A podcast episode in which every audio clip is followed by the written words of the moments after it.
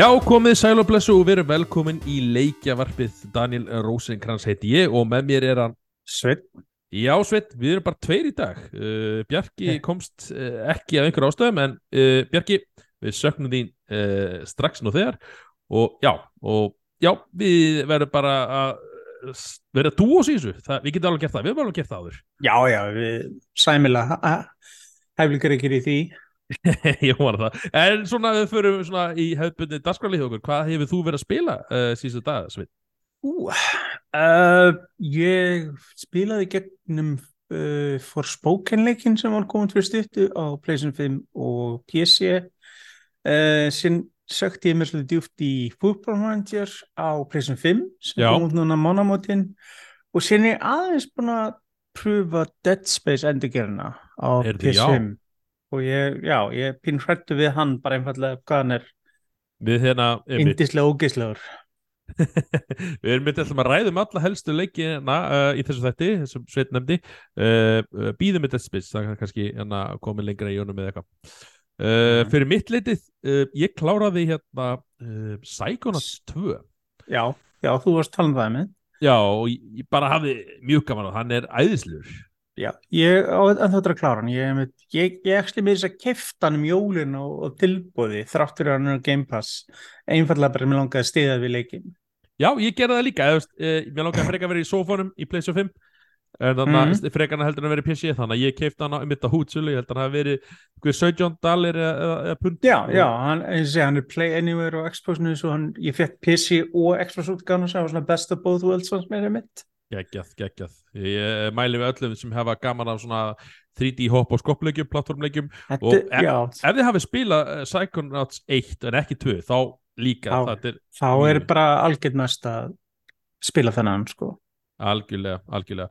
Uh, já, það sem ég ætlaði að fara að segja meira, ég marða ekki akkurat í augnablikinu, en það skiptir ekki máli, því við bara byrjum á dagskráliði í eh, þáttarins. ok, Uh, Xbox Developer Direct uh, fór já, fram. hún 25. janúari í mann rétt 2005, vel gert, ég var með 2004 í huga, ég var ekki búin að skrifa hjá mér þannig að þetta er fyrsta svona direkt kynning bara sem Xbox hefur bara, þeir eru ekki verið með kynningu síðan í þrýr eh, já, innan gæslega svona- í þrýr á síðast ári Já, það er myndið að þeir séu að fara að taka svona sitt eigið smerri kynningar líka. Það er með þeir sögðu um þetta ætlar að eina svona og aðra sem myndi fókus að setna meir á eh, Starfield og sen spurningu þið takið Forza og eitthvað annað síðar á árinu. Já, já, akkurat. Ég fagna því, ég hérna, þú veist, eins og eins og hérna þessar uh, direkt uh, geta verið missionar bara hjá Sony, State of Play og, og, og Nintendo Direct þá, jú, jú, það komur kannski heldur oft tilkynningar frá þeim, það er að segja indie, eitthvað svona jú, jú, það er margt mjög gott þar en svo er mikið svona fillers eða veist sem ég Já, sem já. er ekki á það en þetta hafði oft til uh, víð, víðsmarkhóps í akkurat. svona kynningum. En skemmt er þetta, mér fannst ég eh, sko te ekki tengjast þeim meira, en þeir voru svona, þú veist stúdíuin voru að fengu orðið. Þau voru að segja frá sínu sögum og hvað er að gerast. Ekki Mm. bara einhver rödd á bakveiði heyrði, þessi leikur er að koma þannig, þetta, þetta, en veist, við fengum að sjá svona pínu svo skot inn í stúdíuin og, og bara, og fólk tala um hann. Þannig að mér fannst þetta já, veginn, algjörlega, algjörlega. Og ég fagna því og, og það er gaman að bara sjá þú veist, öðru þessi útgáfa þessu þú veist, við erum með og Nintendo Direct, við erum með State of Play og núna þriðja Developer eh, Direct og ég, ég, segi, ég vona að verða fleiri svona eh, kynningar frá Microsoft í framtíðinni. Eh, Mhm. mér skilst það að næsta, eh, næsta stærsta eh, kynningi þeirra verður bara í kringum í júni, mér langar að segja það hefur verið orðað eh, Já, en svo getur alltaf skutta milli það er hana. en hérna uh, þeir byrjuðu kynninguna á uh, Minecraft Legends. Já. áhug fyrir því? Sem er raunverulega strategilegur já, sem er í þessum Minecraft heimilislega en er sem sagt, já svona strategilegur og já, ég var eins ekki og að Em- Empire og svona fleira og í þeim já, já, akkurat, þetta var svona þetta er ekki svona að, að ég veit ekki alveg hvernig eh, maður á að tólka hann. þetta er, jú, ok, vissulega herrkjænskuleikur en veist, er hann nær því að vera eins og segi, hann er ekki nær því að vera svo komandi konkur, er maður að bú, safna resources, er maður að búa til hérna, eh, kalla þetta er eitthvað svona blanda því og, og, Já, og, ég held að þetta sé allt örugglega mjög létt út það eru höfðulislega til yngri markkóps og ég mig grunar og þurfur ekkert rosalega bara djúft í svona hardcore RTS stæmi eins og þú, það er engin starkraft fílingar hérna sko, nei, nei, myndi Já. ég segja akkurat, svo sá bara mitt En, þannig að þetta verðist að vera svo lifandi þá svona að þú ert alltaf að byggja til veggi inn á milli og, og, og, og samt einhver her og svo eru mobsan í heiminum Og- Já, og síðan spila með öðrum og allt þetta og eða móti. Já, og það verður örugglega crossplay býst í við á milli plattformana sem gerir það verka mörgulega ætti að vera sæmilega magna fólki sem getur spila á móti. Já, er hann, er hann að koma á PlayStation 5 líka, vistu það? Hmm, Góð spurning. Allavega spurning- hann kemur á PC, ég veit ég, og náttúrulega Xbox að því náttúrulega þetta er í eigu eh, Microsoft.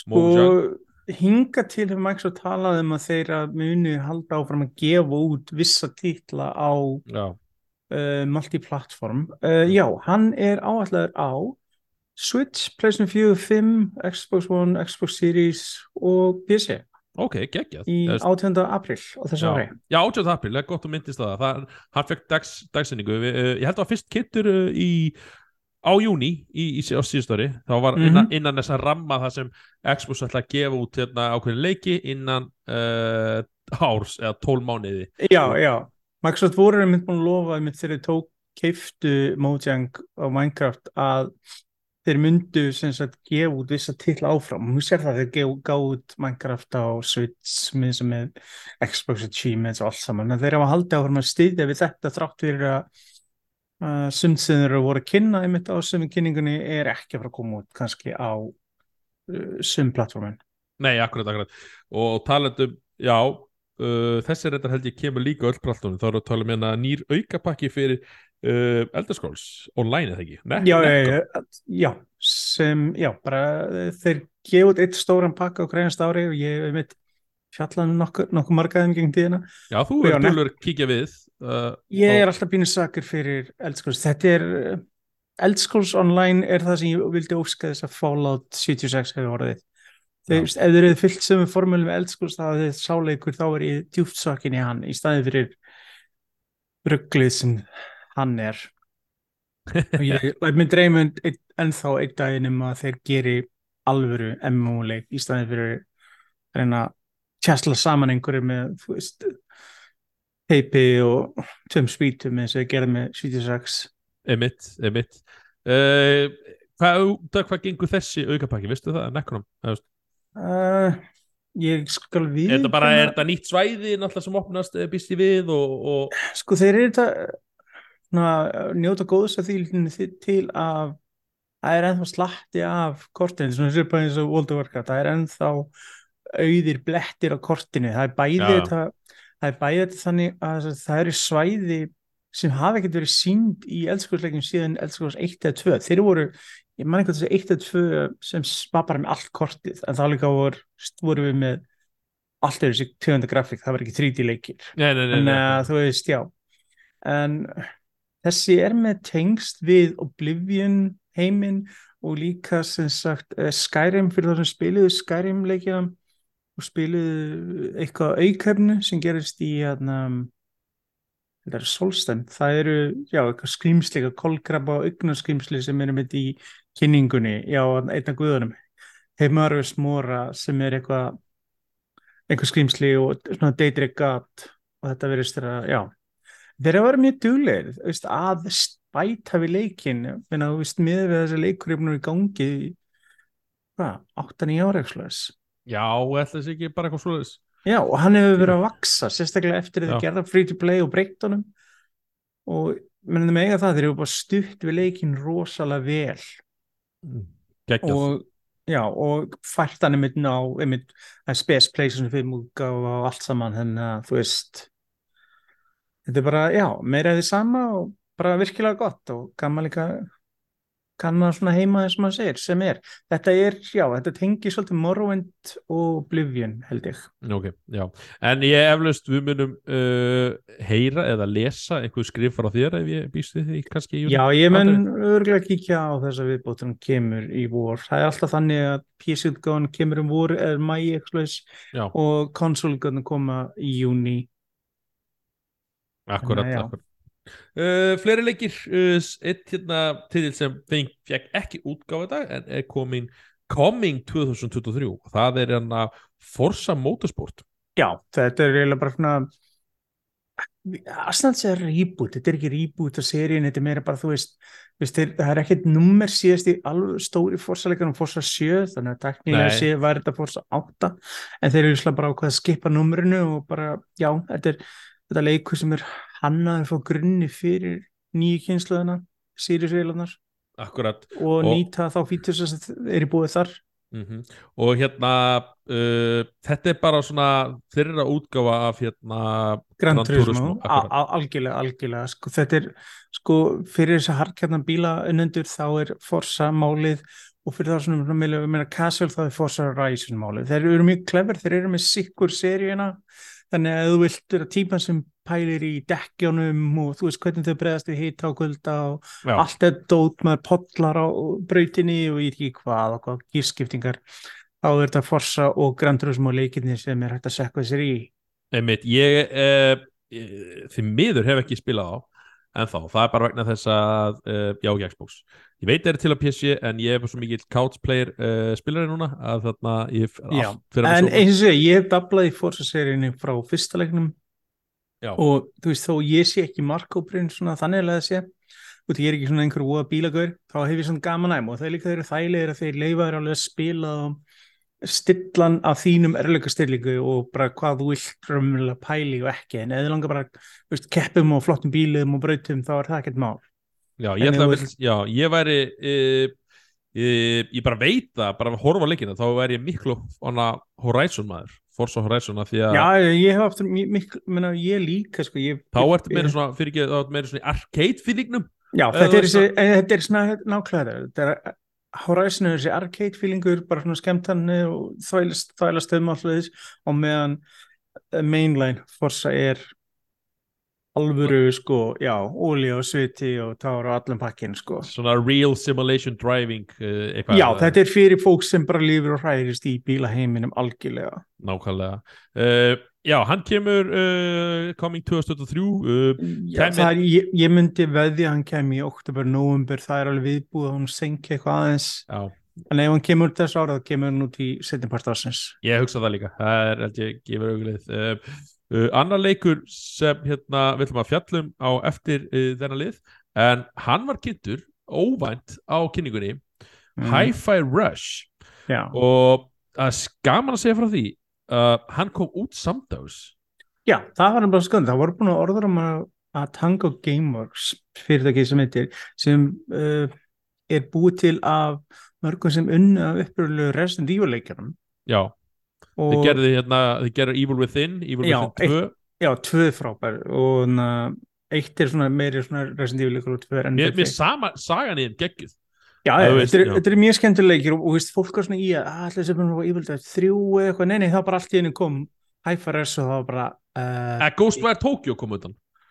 Já, reyndar, eins og segi. Já, En- en, veist, það voru greinlega voru framlega þennan í alltaf, veist, uh, á sama tíma og hinni líkin þannig að Já, eins og muna, mörg stóðstúdíu eru með tvö, kannski main lið og þau eru að framleiða sikkur á leikina þannig að þú veist, þetta er eiginlega eitt lið hitt var að gera Ghostwire og sinnur eiginlega rúmur að einhver segja vonandi að, ég meina það að tala með Shinji Mikami er búin að vera nokkur ára að vinna nýjum horrorleik og fólk Já. er að vona þessi Evil Win Within 3 emitt. Já, En Hi-Faras er svona pínu eins og, já augljóslega er auðvelt að hugsa til uh, leik sem heitir Sunset Overdrive þrjú horror on já, líka, nákvæmlega. líka Jet Set Radio leikinu gamlu að aðri leikir með svona stílinn og fleira það er svona, maður hugsaði með sér hann bara Já, þetta var eins og ég segi, kom mjög og skemmtilega óvart þessi. Nákvæmlega. Uh, Ég ætla, við, eins og segja, við ætlum að fara nánar út í það bara eftir smá stund. Uh, Síðasti leikur sem við kentu uh, fyrir kannski mestu tímin í þann það var hérna uh, Redfall. Redfall, takk fyrir, ég hef alltaf týndist nafni, ég var bara með nafnið Arkin Austin sem er já, uh, þess, já, sem er með Arkin Austin og þeir sem sagt hafa gert mikið þessi leiði sem unna Dishonored leikinum og Prey sem Arkin Leon þeir gera, gera Deathloop síðast Alveg, og gerðu líka eitthvað Dishonored leikinum svo þetta eru tvö stúdíu sem eru til skiptis að vinna. Já. Og já, Hvernig, hérna, ertu spenntið fyrir honum? ég veit ekki sko liðið sem er bakveðan, ég er mjög hrifin af leikjunum sem gerir, ég meina, gaurin sem er ger, ger leik vanna, þú veist Dishonored, Deus Ex, Thief og leikjum sem ég held, og System Shock, leikjum sem ég held mikið upp á. Já, gerðu þeir Prey? Já, það gerir Prey, Prey. Leiknum með astanlega nafnið sem er samt frábær. Prey er æðislega leikur, ég mæli alltaf með honum, eina sem er á honum er nafnið. já, já. En það var bara peningalega okkur sem bakað það. En já, ég veit ekki með hennar leik, þetta virðist þér svona Left 4 Dead, uh, Back 4 Blood uh, feelingur, svoleiðis leikur co-op, sambileikur, þeir tala samt um að þú getur spilað einn. Ég, já, eh, ef ég fæ að, tala það inn í einmitt. Mm. þetta er það sem hana, punkturinn hana, að þú getur spilað einn. Uh, en þú þarf alltaf að vera netinu og Já. ég held þú muni aldrei fá svona allt það sem leikur býður upp á að vera bara einn, einhvern veginn fattar Já, erfiðast er svona leiki vanalega eins og þessir eru, alveg eins og svo bakkablad sem góti fyrir áhugaðis er einmitt, þú getur spilað einn en þá eru vanalega einhver gerðugreind sem stjórnar einu karakterónum og oftast ertu ekkert að fá almennilega úr leiknum jafn mikið og hægt er. Nei, ég er einmitt Og- svo hrættur um það að byrja balansin er oft mjög erfið það er mjög erfitt að balansera svona leiki einmitt eða ert einn versus eða þrýri eða fjóri saman í grúpu sko Já, ég er einmitt svo hrættur um að ég verð með fjóra vini hérna og við ætlum að spila saman og ok, svo hérna þarf að finna eitthvað kvöld þessum allir komast aftur og æ, Mhm. þessi kemst ekki og maður getur Já. ekki svona ef, ef, ef, ef það er minningin en ef það er eitthvað sem maður getur svona sko ef að fyrir sín- leikurinn er vel balansar þá getur þetta alveg gengið upp einhvern dettur Mhm. út en ef það er leik, ein dæmum sem eru séð að leikið sem er ekki rétt balansar þá er mitt verður þetta bara bara fyrir allt í fjandans þegar einmitt svoleiðis gerist og ég er virkilega að vona að það verði einhver opin beta demo spilun áðurleikum kemur út svo fólk getur pröfa hann.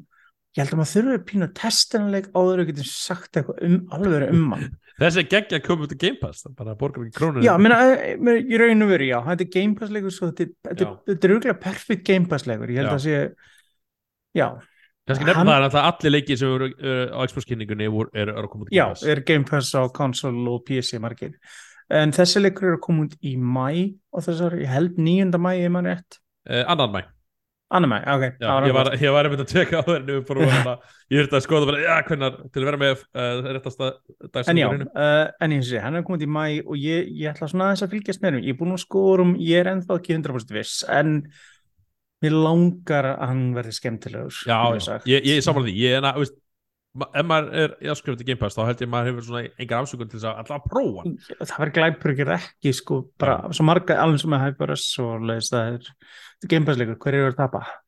nákvæmlega, uh, talat um það við ætlum að bara fara beint í HFRS uh, Mm. mér fannst svo geggja við þetta því þetta, þetta hérna uh, uh, koncept, það er að segja gefa út leik bara, þú veist engin tilkynning, eða það var einhverju leikar ég var ekki búin að sjá, ég var ekki búin að sjá Já, en eins og leikandum voru þannig, maður heldur, ok, þessi leikur voru kynntur, hann kemur kannski einhvern setjum partan árinu, en ég held að enginn svo fyrir hann var bara bókstala að koma út tveim tíma eftir, Mhm. eftir að sýningin var búin eða eitthvað svolítið. ég, ég var mjög skeptikust í sá fyrst að því að jú, þetta er svona rithmaleikur uh, ótrúlega fallur og Já, hann er svona cel-shaded. self-shaded Já, já, og, og geggjaði artstíl í honum og ég var svona, að ég, ég vilja bara hafa það hakkast slass eitthvað en, en ég hef búin að spila hann, ég hef búin að prófa hann. Mm. hann er æðislegur. Hann, Já, ég- hann er veginn svona allt öðru svona þetta er svona leikur, maður verður að prófa til að, að- til að Já, dæma hann ég, ég var nefnilega voru hættur með sjálf, ég er svona, já, ég skal við ekki að ég er svona gammal að ég er ekki bestur í að halda takti og hlutis, ég, ég tóndöð bara en allt sem er, skilur en að þú veist, ég var hættur um, ok, þetta er leikur sem byggir alltaf að halda beat með þér, þá er ég í djúpum skít vegna þess að, já, en þetta verðist þér meira þannig, þú getur alveg komist undan að gera það ekki, en leikunum vel en meira fyrir ef þú nærð að halda taktinum. Já, akkurat, ég held að maður veist, maður kemst ef því ég leggja að þið gera ekki að því er eins og segja miss, missi maður svona sjarma leiknum Mm. og það sem gera svona skemmtlar og, og ég verði viðkynni, ég var alltaf svona ég var, var alltaf svona slá hausnum svona niður, eitthvað svona í takti við leikinn, í hverju bít og, og með ósjárátt með flappina, ég bara, með þess að fara að gera með kamerunum, pinnunum og svona þú veist alltaf einhverju í takti, það er svona Já, Uh, menna, það er svo líka eins og ég sá um þetta vídeo þegar þú voru kynna leikin þeir sýnda þér ótrúlega margt í umkörnum sem er að halda í takti tónlistinu sem er svona Já. ótomatik að gefa þér til kynna þú veist, indimöðinni hefur að sagt, taktinn, svo hálfpartinn að CNN, það er í umhverfnu, það er eitthvað dót þarna við hliðina þér sem sýður með þér sem er já, taktinum og það er svona karakterin hreyfi sig og allt saman.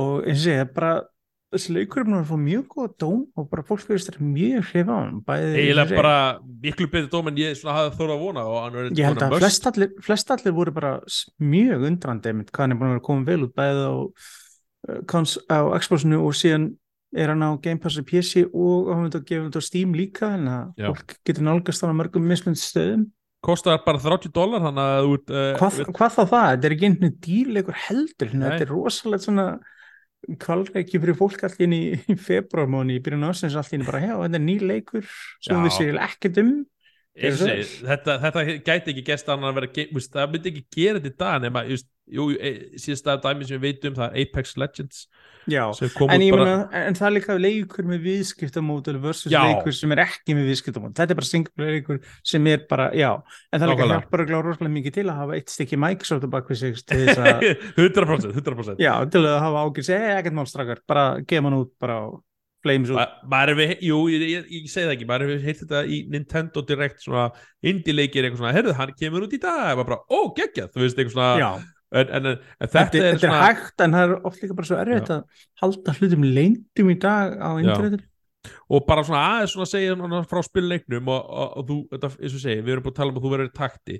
Uh, það er tónlist sem er spiluð í, í, í, í bakgrunum uh, ímist hérna þú getur valið streamer mode eða uh, ég valdi mode þegar þá uh, getur þú sínt klippur á netinu á þessa Já, einhver lendi buggaði í sig fyrir co- copyright strike Já, þá er þetta- lög frá hérna bara frá orginal stú, stúdíu sem er búin að búið til lögin. Og Mhm. ég veit ekki hvernig, hver hinn lögin er það er greinlega kannski einhver fleiri lagalesti sem hann inniheldur einhver hann kom mér óvart að segja eins og Nine Inch Nails og Prodigy og ég bara what? já ok, ok, ég þarf að skoða Um, ég sá það ég myndi í trailinu við leikin það var skemmt til að sjá það en ég Já. er forðin að prjóða það. Ég er búin að downloada leikinu bæði PS-stilun og Xbox-stilun sem ég það bara actually setst niður og og þú þarf að, þú hefur X-nappur sem er svona light attack og svo ups, Y sem er hérna uh, heavy attack.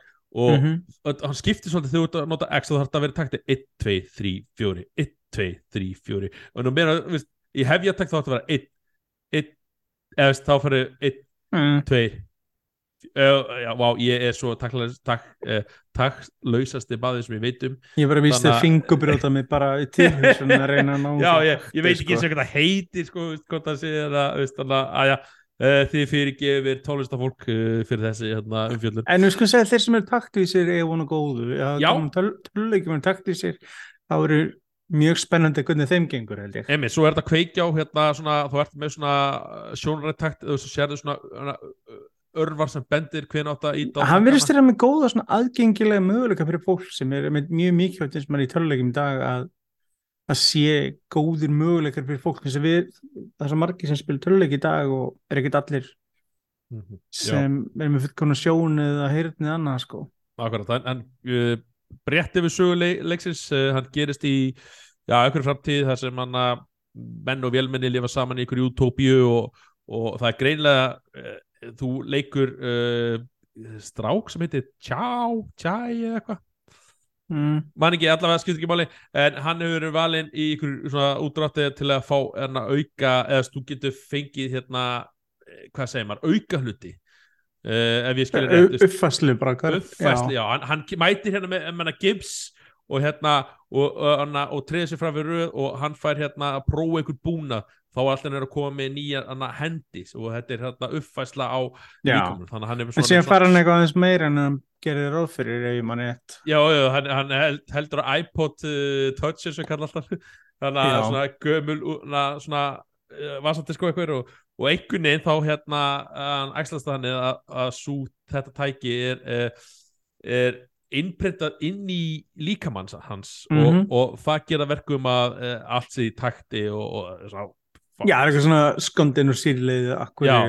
leikurinn byggir á tónlist og Já, það, og þá allt í henni er allt umhverfið í, í takti og gaman að segja frá því óvinnir eru líka í takti og það hjálpar rosa mikið eins og hann segir í tutorialum að þú átt að, veist, á þessu bíti þá gerir overinn árast, þannig að þú veist Mhm. alltaf hvenar þú gerir árast þannig að en þannig að, þetta gerir 1, 2, 3 og þá gerir dodsa, eða veist þá er hann getur að koma fram og, og hann, er, hann er bara svo lifandi Þetta er ótrúlega ótrúlega skemmtilega frumlegu leikur og þú veist, er þetta að segja í dag man, man, er, man, það er meira að segja að gera frumlega leiki í dag eða bara, já, frumlega hlutisnendu eins að við erum svo vöðun öllum framhöldum og allt bygg- byggir á einhverju basic formúlu. Akkurat, og hann er, veist, og hann uh, tekur svona, svona, hvað segir maður, fer í svolítið svona, vá, ég er að leita að orðinu, uh, fer, á- hann skiptist yfir í 2D, bara svona, Já, hann breytir um sjónasvið eða ekki, ég séð einhver- ég séð vídeo um það sem hann svissar um. Það er, það er cool að sjá, minna þetta er eins og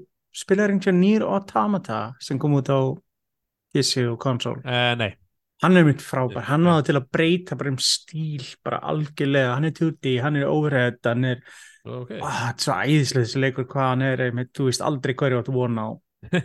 Og það er rosalega gaman þegar leikið gera þetta þegar, þú veist, Svo er hérna, fer hann úr 2D í 3D og þú er búin að spila hans leikur og svo bara, eh, já, hann fór í 3D aftur, ég svona, var, var ekki alveg búin að gera svona grein fyrir því, svona, hann svona, mm. Það er ekki, er ekki að segja frá því, já, núna kemur skipting, en þú veist, það var kannski, þú veist, var 2D fyrir upp liftu og, og komin þrývít og auðvitslega bregst maður bara við því, en maður kannski áttast ekki bara, er ég byrja, ég, þú veist, það búin að breyta sjóna hótt aftur, já, Það eru, eru að leika sér lúslega með hlutina og það er gaman að sjá það. Þannig Ég, að ég mæli með fólk bara að kíkja á hérna meina, ég- eins og segi, ég meina, það er um einn mánuður er vanlega dirt cheap sko, þó Mhm. ekki sér með að fólk að hoppa og ég held að sé alveg fullt að gera með þennan og annað að kíkja þess á og sjá hvað er í bóði. Akkurat, uh, bara um að gera kíkja á Taylor, YouTube, uh, bara Já, tjekkja einhverju let's play eitthvað, og svo bara eins og segi, ég, hérna, nóvefni. ég var ekki áskrifandi á Game Pass uh, ég, gerðist bara áskrifandi á PC, þetta voru hvað 7 pund eitthvað slis Mhm. uh, þannig að sé ekki eftir því og svo bara prófum maður þetta og tekur eitt mánuð og svo bara hæ- hættum maður áskriftinni eða þá bara hættur það fram Ég eins og segi, þetta er, mj- ég segi, það er mjög mikið að nynni og ég er myndin að vera með Game Pass bara frá byrjun og fæ mikið úr því bæði á Xboxinu og PC mitt sem ég finnst mjög þægilegt að fá bæði. algjörlega, algjörlega. 100% uh, mælum að tjekka á honum. Uh, uh, fleiri leikir sem komu í vikunni og meira að segja skrif frá honum að Sveini það er hérna Football Manager 2023 fyrir PlayStation 5 Já, uh, Console Edition eins og kallar. okay. Uh, uppröðunlega átti PlayStation 5 útgáðan koma út í november með hinum útgáðunum þegar leikurinn kom út á PC, Mac, uh, Xbox og Switch og fleira en það voru einhver issues sem töðu leikinn svo hann kom ekki út fyrir núna var bara PlayStation 5 útgáð sem eitthvað Já, það var Ok. eina útgáðan sem senga það var eitthvað í samdi við certification dótið, eitthvað sem einhver tæknileg vandamál sem kom upp í réttindu lokinn sem gera verkum að leiknum að senka um hvað, þrjá mánuði? Já, jú, það passar já, já, tæknilega séð, já, tæpa þrjá mánuði. Uh, leikurinn kom út núna fyrsta februar á Playstation búðinni, það er ekki eins og verið komin einn átræðleindar, svo ég þessi forfallin fútbolmændir fíkil auðvitað hoppaði í að spila leikinn. Auðvitað til þess að vera tilbúið með gaggrinni bara útgáðu degi, ég var heppin ég fekk aðgagaleiknum snemma. Segja þetta gegnum hann. Og þetta er þetta bara, já, ég menna fútbolleikir er erfiður útskýra stundum fyrst mér, þú veist, þetta er horfir á þessu leiki, þetta, er, þetta virkar að dævarinn allar anskotin fyrir suma, sko. Og þeir eru sent fyrir lukki, ég menna þú ert ekki að fá einhverja Þú ert ekki að græða á grafíkinni á PlayStation 5 tölunni að spila fútbolmanager eða Nei. hvað þá nota nýja DualSense pinna en fá eitthvað ekstra á því en hann keirir rosalega vel, hann lukkar rosalega vel. Ég meina fyrir það sem hann er eiginlega þetta er bara gamlega góð fútbolmanager Hvernig er svona eins og og, og það vita nú allir flesti hvernig held ég uh, út á hvað fútbolmann sem gengur. En hvernig er, hvernig er að spila á konsol versus hérna, bara með gamepad sko ég veit ágætt sér reynsla. Þeir eru búin að vera út leikinn svolítið lengi á Xboxinu líka. Þannig að ég, maður hefur ágætt sér reynslu þar að pröfa. Leikir í dag eru búin að finna góð leið, strategileikir og svona eins og bara maður, sér herkenskuleikir og fleira, þeir eru búin að finna ágætt leið til að virka á um, með fjastringu, þetta er pínu klunulegt fyrstir að maður er að byrja. En maður er snöggur að að, að, að sem sagt ná takkinu og eina sem ég svona fyrir svona fólk sem svona sekkur dýbra í þetta að það þægilegt að geta stungi líklega voru í samband bara þó ekki sem að þau þó ekki sénum að þegar þú ert að stimpla inn uh, nöfn og leikmönnum og fleira það er svolítið svona fylli þegar þú ert að skrifa nöfnin og Já, hann stiði náttúrulega leiklega bóra mús. Uh, hann stýr ekki mús, ekki minnst með útgáfuna, hann stýr líklega bara ég Ok. pröfaði það. Ég stakk líklega bara í samband og það er mjög þægilegt en, en það er ekki nöðsilegt þetta er bara svona, þú veist já, ert með þrálust líklega bara og þægild upp í sófa, þú veist að geta slegin, þú ert með einhverja uppáhaldsleikmenn sem hann kíkja á eitthvað slags Ég er, ég, er- ég er alltaf ég, einhverjum svona lýsi fútbolmann þá hugsa ég alltaf bara Excel eitthvað. Þetta, er, þetta hefur alltaf verið brandara með, með þessa leiki er nákvæmlega það, þeir eru ekkert fyrir augað skilju, þeir, veist, Já, þeir, þeir munu aldrei vinna nefn fyrirsangin þó að leikurinn hafi bættið 3D grafikvel fyrir þó nokkuð mörgum ánum síðan og hann er svona sjónrætni en þetta er engin FIFA, landfræði. Nei, nei, er en, að en það er eitthvað við þessa leiki, það er alltaf verið það. Það er fyrir það sem áhuga minna finnast að ég er ekkert rosalega harkur fótbolta uh, unnandi utan tölulegsins ég er ekkert að fylgjast með allir leikjum en, en ég get dottið í manager tímunum saman aftur á mandi Akkurat, ég hef hérna verið að fylgjast með hérna þeim GimTV stjórin á þrjóðum já, ég sömulegis og ég er einmitt búin að vera Ok, Já. ég, ég verið að segja mm uh, við fullur veiningu fyrir þeim eða þú veist þannig að ég held ég bara pínu blindilegði blindan. Ég elskar báða en þetta er pínu blindur og það er æðislega gaman Já, ég, ég, ég dýrkast þetta, ég ætla að segja, ég bara er virkilega markahópur fyrir að horfa á FM í ykkur eða tvo tíma á 50 sko Mér, sko,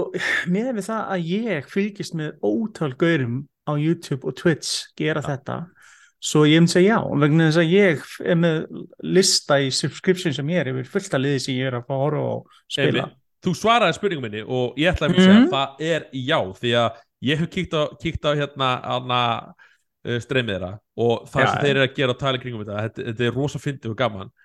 Og ég þess að stakka upp á það þegar þeir voru ekki með þátt þarna í síðustu viku eða þegar þeir tóku við FIFA.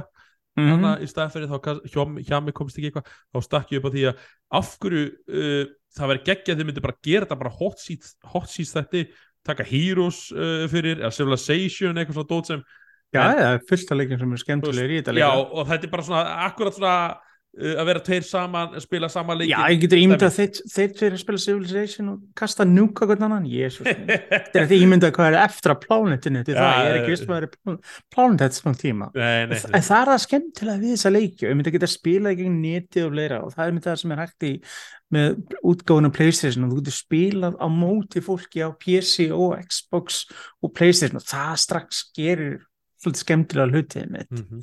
þannig það, að er- það er ekki, það er ekki cross þetta er ekki bara single play leikur? Þetta er ekki þetta er single player og multiplayer. Það er ekkert mál fyrir mig að hóa saman tíu vinni og búa til save og er það? já, ekkert mál. Hvað, það Það er kannski langt síðan að það hefur verið það nei, já, hva, hvað er þú búin að vera félagi? ekki spila fútbol manager, það er það er svona þegar maður er bara að spila Mario og Zelda þá missir maður að þetta hey, it's a me. Nei, joke. Var það þess að laumi sinn sko. nei, sko leikurinn stýður sem sagt svo ég sé ekki ljúa þér neinu. Uh, sko leikurinn stýður þarna online, þú getur spilað þetta co-op bara Já. á sömu vél. Ef ég og þú undir bjöður í heimstrákn getur við bara spilað leik alveg eins og þeir voru að gera GameTV, ekkert mál. Eða þú getur auðvitað bara að spila í gegn netið og þá er þetta búa til stuttar deildir eða byggra sem er mjög þægilega leið til að spila snögt svona en er, þurfum við að spila allir saman tíma þá væntalega ekki? Sko vanalega hefur þetta verið þannig að einn er host, hann seifar leikinn þannig að hann heldur utan um allt saman.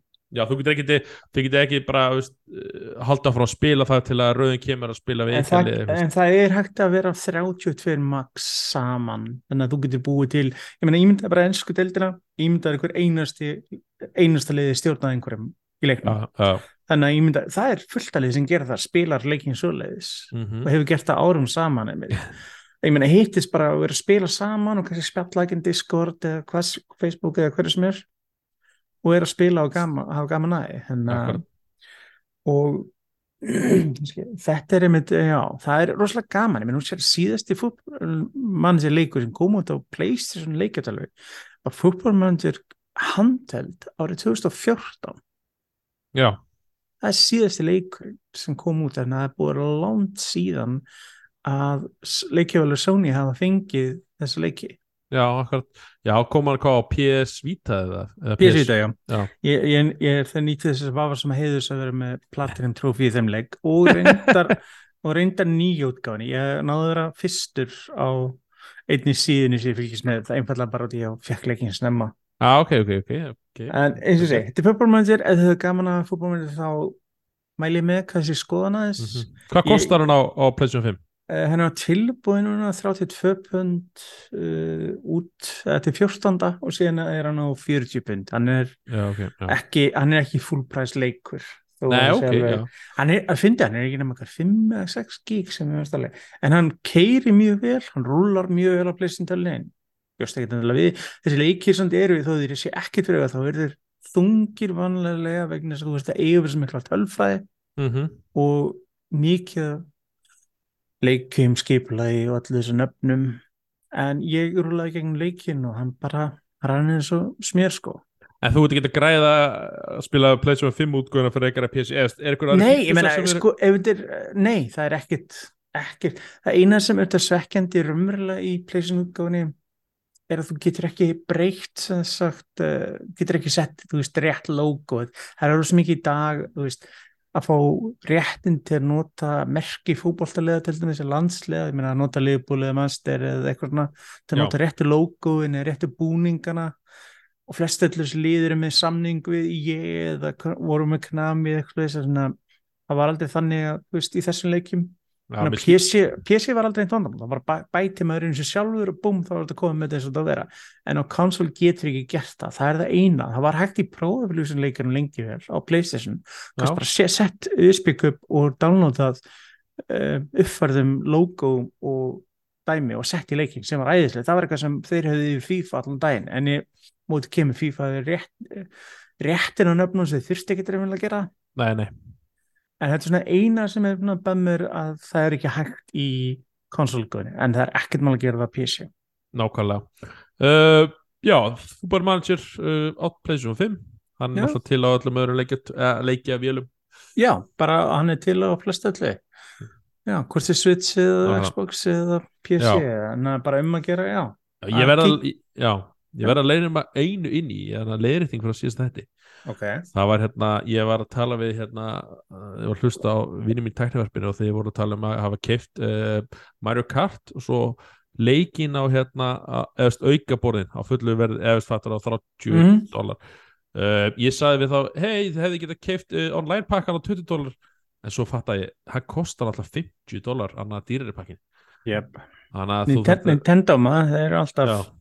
Þannig að ég skemmtil, skemmtilegir í þessu. þurfa, að leiða þetta hérna, þetta hérna ásæki þetta uh, tekniverps uh, bræður ef þið eru að Þeir þeir röglega reikningin bara í mismunum röglega. já, uh, uh, nákvæmlega og bara, uh, já, þakka hlý orð hérna uh, frá þeim í síðast þetta hérna, eins og segi, ætlum ætla að vera duglegar að taka upp þetta í hérna millið ekki en svo uh, átti ég eitt stykki bann hérna, eða, eða Já. kona mín og Já, ég ætla að segja, fekk, var kona henni, gekkst þú ekki með, þú ekki með sem sagt? Uh, ég tók á móti, það er gaman uh, Þannig að, já, þannig að Hamingju með eh, það. þ- Takk fyrir það, þriðja stelpan hérna, já, Þannig að við reynum að kík þú þessu Þú ert að sapna í hvenna þú með þess að Eh, Já, ég segi alltaf við þarna, segi alltaf við góðu gríni að hérna, uh, kona neytar að spila co-op-leiki með mér.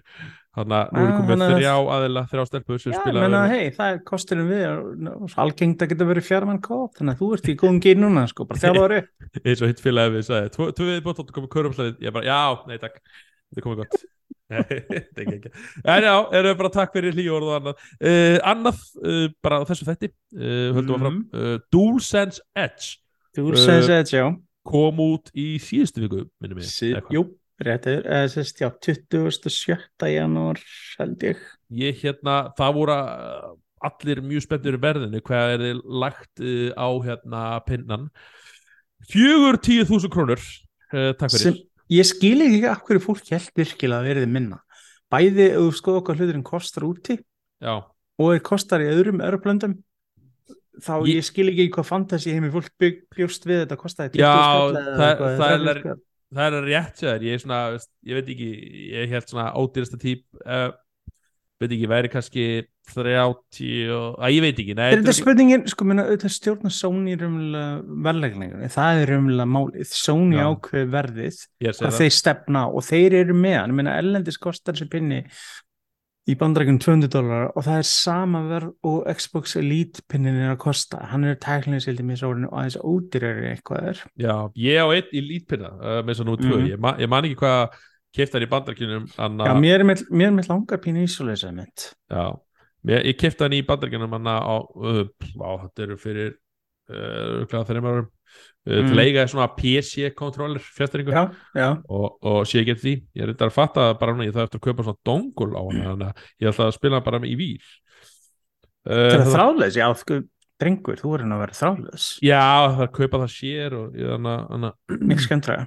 Já, vissulega. En um uh, En já. Princess Edge, þú ert komið hann í hendunar. Uh, já, ég hef búin að vera síðustu dagana, eða svona tæpa viku, vera að rúli gegnum með pinnan og pröfa hann í helstu leikjum á PlayStation 5 Akkurat. og uh, líka auðvitað að pröfa, mér finnst að hann virka lauslega með PlayStation 4 leikjum á PlayStation 5 Já, og já, eins og sé, þetta er hvað segja, þetta er pinnið sem er auðvitað fókusað á ákveðin markkóp hinga til hefur þessi markkóp verið bara fyrir svona third party controller sem hafa verið að fókusa á þetta. Svona, víst, liðið sem er að spila Warzone og fleira og vil hafa meiri stjórna og þessu auka takka eða eitthvað svona leiðis já, þannig að það er svona eins og segi það sem að aðgrein þennan bara, bara vinnilega dulsing fjastringu sem fólk hver með výrlinsinni er að það eru uh, tveir auka takkar aftan eða fyrir ekki það eru pláss fyrir tvo taka þú alltaf þeim bara sjálfur þeir smetla bara með segli sko aftan á og þú drann hvað aftan á lítil eh, dæmi eða svona eins og spaða, pals, get ég er að finna íslensk orð alltaf í hluti. Já, já. En já, segi, það er hægt að setja það að, og minnst að blanda þessu saman uh, tegundum. Og þessi, hann er með tvo, hétur Xboxin með heldur fjóra í mann rétt Passar, ég er einmitt með þetta í hendunar minna. Já, og síðan er sem sagt þægilegt að það eru takkar uh, mitt á hann líka sem stjórna hvað langt gikkarnir ganga til inn sem er mjög þægilegt þú ert að spila skotleiki á fleiri og vilt fá bara snögg við bröðu eitthvað slags Já, er það sem þetta gerir, ég vissi Já, það ekki. það er á heldur líka Já, ég ég er ég bara aldrei pælt í þessu. og Hvað, hérna- hvað segir, hvað er það neðið fyrst engur lengi félagi? Ég er búin að nota hann svo fjóru. Já, það er hérna. Uh -huh, Sko, þetta er, eins og segi, þetta er jafn stórt, hún aðeins þingri en venlega dúrsensvesting, þú finnir þú heldur á henni. Já, fólk var að tala um það, það væri svolítið massi í hendunum og Já, fólk þetta talaði er, um það eitthvað að væri uh, það væri geggja í, í svo að segja, veit ekki, vill maður hafa hana þingri, ég veit, þú veist. að mörguldi, ég, hún er ekki það þung að þessi eitthvað vandamál, ég veist oft að hafa aðeins svona þing, þá er hún ekki jafn of létt einhvern veginn, þá finnst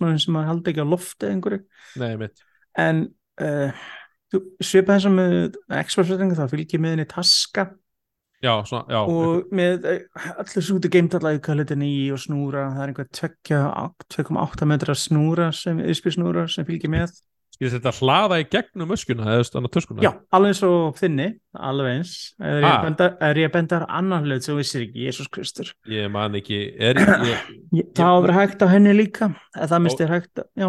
Það getur vel verið hún ekstra bísk, já.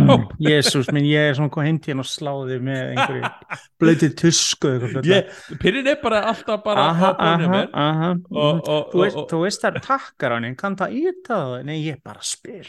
Já, hérna, ok, það er áhugavert. En já, en já, það fylgir með svona taska, mjög góð og svona sterk hvít taska með flottum Playstation logoi. Já, og aftan á er svona fransku rennilás sem getur opnað og þá getur hlaðið fjastringuna á meðan hún er í sem ég þægilegt. Greinlega svo, eins og svona, er er þetta er, er svona, þetta er miðavillega svona líð sem tekur hana með sér, þú ætlar að spila einhverstaðar að segjum þú ætlar að smetla þér inn í rína eitthvað og þú ætlar að spila með þinn pinna og þitt dæmi og það tekur bara pinna með þér sko. Rétt, ég ég hef ekki hugsað um þannig að þá ertu bara hardcore og tekur pinna með þér og Það mjög gott að vera bestur á sveðinu þá með dýra pinna. Já, og þú getur, um það er meira að segja sko, stykki til að læsa snúruna við fjastringunum svo hún hrekku ekki úr, þannig að einhver lappar á eða eitthvað slöðis eða veist, það er ekki miklu líkur einhver hún losni fyrir það sakir. Staði fyrir, að, fyrir að snúra losni þá tekur það pinnan með þig bara. Já, eða tölvuna, sjónvarpið, bara allt saman, en já, en, en já, það er svolítið skondið, það er einmitt, það sem ég finnst kannski einn flottasti hluturinn við hana er bæði að geta skipt um hattana á anlagpinnunum, að geta bara smelt þeim af já, og bara sett uh, sína eigin pinn, þess að mismundi háa eða mismundi hvernig gripin eru. Það, og það er mjög stælegt og snögt og líka það að geta bara smelt einn takk aftan á henni og lift út anlag pinnagræðinni bara eins og leggur sig sem gerir verkið með annarkot vinstri að hægri pinnin einhvern bíla þá getur við bara keift nýjan og skipt Já. hann út. Og þá er, þá er fjastringin ekki ónýtt eins og hefur verið í dag það sem þú sprókst alveg á nýja fjastringu ef eitt hluturinn bíla er í henni. Þetta er svo mikið eh, svar fyrir driftinu. Stæðan fyrir að kaupa, þú bara kaupið nýja Já, í svona staðin pin- fyrir, að- í staðin fyrir að allir leikjatöluframleðendur lægi tæknina bak við þetta. Það er til lausna á þessu vist að þú eru allir að nota sama dæmið sem veldur þessu. Það er sama græjan í involsinu og analog dæminu sem er vandamáli og þetta er það sem allir Sony, Microsoft, Nintendo allir nota. Ef þeir myndi ekki nota þá er þetta ekki sem vandamáli Ég sá hérna talandi þarna um, um að þessu vandamál og þá held ég las ég ykkur grein uh, með Nintendo uh, það búið að vera eitthvað kærumál eða það búið að kæra það fyrir þetta. Já, Eh, uh, mikið ábrendi. Það var fært niður vegna þess að dómari sá hérna að þú samþyktir í, í hana júla og allt svona dót og uh, leynið eitthvað- einhverju línu þar inn sko. Eitthvað algjör kæftæði þannig að þeir hérna geta allavega ekki farið með þetta áfram uh, hvað þetta var Það er alltaf náman smáletrinu. nákvæmlega. En hérna og meira um pinnan uh, Já, sko, eins og segi, þetta er, þetta er mjög vel gerðu pinni, menn Sony hafa alltaf verið rosalega góður að mínum að þetta búið til hardware. Og já, ég segi, það sem ég segi svona fljótt bara, sko, það, sem er, það, er, betra gummi til dæmis neðan á hann, þannig að þú veist, þú veist búin að spila lengi, þú veist, kannast þetta vera svolítið sveittur í pötunum, þá er betra grip, þannig að þú heldur betur um fjastringuna, það er svona textjótt grip framan á uh, L2 og R2 tökunum, þannig að þú svona liggur betur, fingurinn liggja betur á þessu. Um, það sem helst í vand, eða stæðst í mínu sem myndi ég segja við hann er að batterið er ekki bætt frá venjulega dúlsins og eitthvað er, teknilega séð batterið er minna. Já, það er búið, einhver sem er búin að sest, festringunni sundur og hún er með minni millamp en venjulega dúlsins þannig að styttri líftími á, á batteri já og það er raunlega stæðst ég minna ok, þeir heldu forminu þannig að þú veist, eða eitthvað þá þarfst ekki að kaupa inn eitt nýja bara smetla þessum í og hann passar alveg svo hinir. En ég vildi næst í óska þess að þeir eru sleppt því frekar og ég hefði frekar vilja kaupa með eitthvað annað í staðin og fengi betra batteri eru ekki haldið forminu ég minna til sambröð elite controllerin þeir lýsa 40 tíma á hlæðslu já, ok. Það er sem bara tekur og rústar sko, bara venjulegum dúlsens eða hverju sem er sko. Já, og það, það er stæðstil hluturinn er batterið það er ekki nógu gott. Dugar alveg, það er ekkert að stinga samband en þú veist hvað minna, það er bara það er svolítið grátlegt að þurfa hlaðan ef þú Þeir- spila stíðurspilun þeir vilja selja DualSense TV Edge 2 hérna eftir 2 eða DualSense Edge Pro. Já, X2, já, hvað maður þetta. Er, þú veist, ég segi þetta er eitt hlutur sem getur Mhm. gert þennan pinna að vera góðan yfir að vera frábæran. Það já, er það sem er, þú veist, hann er svo nálægt í menn DualSense sjálfur, pinnin er mínum að þetta besta pinni sem Sony hefur búið til. Frábær festing, ég elska hvernig triggerinn virka með þetta haptic feedback og allt þetta dót, ég elska DualSense pinna, minnst hann frábær. Ég samla því. Þannig að það er bara, þú veist, þetta er svona bara lítið hlutur sem hefur þurft til að setja hann yfir. Akkurat. þannig að þetta þarna kannski er erfiðasti parturinn við verðbúndinu og svona, eða eru lag, sett hann á 150 dólar kannski. Ég væri sennilega hann, bara og, hann væri á einhverju 30 skall skilur, 30 góð skall hérna. Þá væri þetta miklu öðra sko að samfara fólk þá var þetta bara, ú, eða sko ég geti verið miklu sáttar að borga þetta verið ef hann líka væri með 20 tíma batteri eða skilur, eða bara væri 20-30 tíma batteri í þessu sko. Já, ég veit nú ekki hvað hva Vestlanir fengu uh, hvað segir maður margar, út, ekki útgáfur heldur eintök af honum.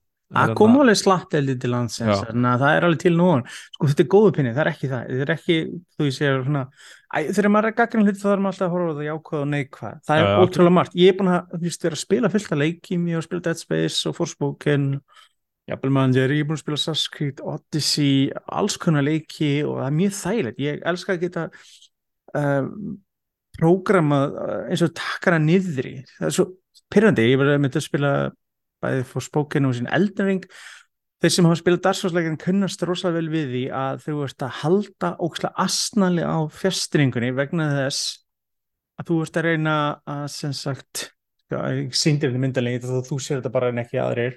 Þú ert að halda þetta um hringin sem Já. er að hlaupa og síðan ertu, þú ert með puttan svona vegna þess að þú ert að reyna að halda þetta um myndaðulegnar á sama tíma. Já, það og þá fyrir krampa í puttan en allir núna getur þeir með hringin á niðri Mhm, þá þarfst ekki að reyfa puttan af pinnanum. Og Akkurat, það gjör breytir og það, svoleiðs hlutir eru æðislega og þetta getur gert uh, gæfi munin og hvað þá séðan þú ert uh, svona meira lið sem er að spila Fortnite og Call of Duty, Warzone og alla þessa leiki, eða FIFA.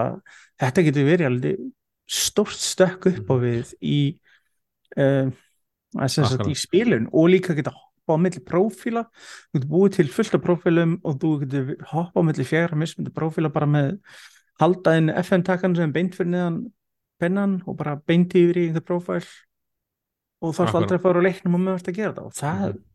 það allt svoleiðis er frábærlegt og bara svona fyrir hlustendur þá veist, uh, var sveit að tala um að eins og sem með heldur ring inni og, og leikurinn að byggja maður líka ít á pinnan að uh, stýra þeim samtímis. Uh, ég man að vera eitthvað að var að tala við öðru hérna hana uh, hlaðarpi, þá var það að tala um að veist, hvað hva sum fítusar eru með svona ætlast til að þú ítir á, á pinnan Já, á stundum er, stundum er svona, þú Já. veist, óeðlilega reyfingar og maður Já. finnur til hendinni ég meni, ég spilaði Já. 100 tíma í eldring og ég bara, mér fann til í hendinni þegar ég var að spila stundum og þetta aftur á móti bara tekur þá fjallaði það eitt og Já. sér ég meni, ef einhverju rétt með að binna áðin ég byrja að spila dar eldring, ég hef verið svo glaður ég bara á, guðs, og fingurinn litli í fingurinn á mig bara tala ekki um að þú eru ít á D-pad samtímis sem fyrir Mhm. og Og- ég, var- ég mynd, hann var að tala með hlaðarpi ég veit hvað áttu við, ég, mér finnst ekki þér svo þegar ég fór að gera það sjálfur þá tók ég þetta, þegar ég var að gera svo aðgerð þá er þetta komið við, þá er ég búin að færa hendir einhvern veginn svona Já, og komin í alltaf stöðu. brandarinn eins og þessi ég er að tala um í eldring og sólsleikam, þetta er kallað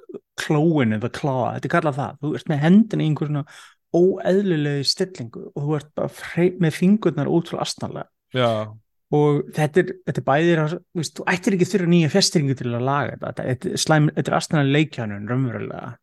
Þetta ætti að vera, þú veist, betri hugsun bak við þetta, en en þetta er samt stór stökk og softverið og allt saman að bakvið að stilla takana, að geta bókstala bara remappa allt saman, þá gastar endar fyrir en þú veist með tvo auka taka akkurat.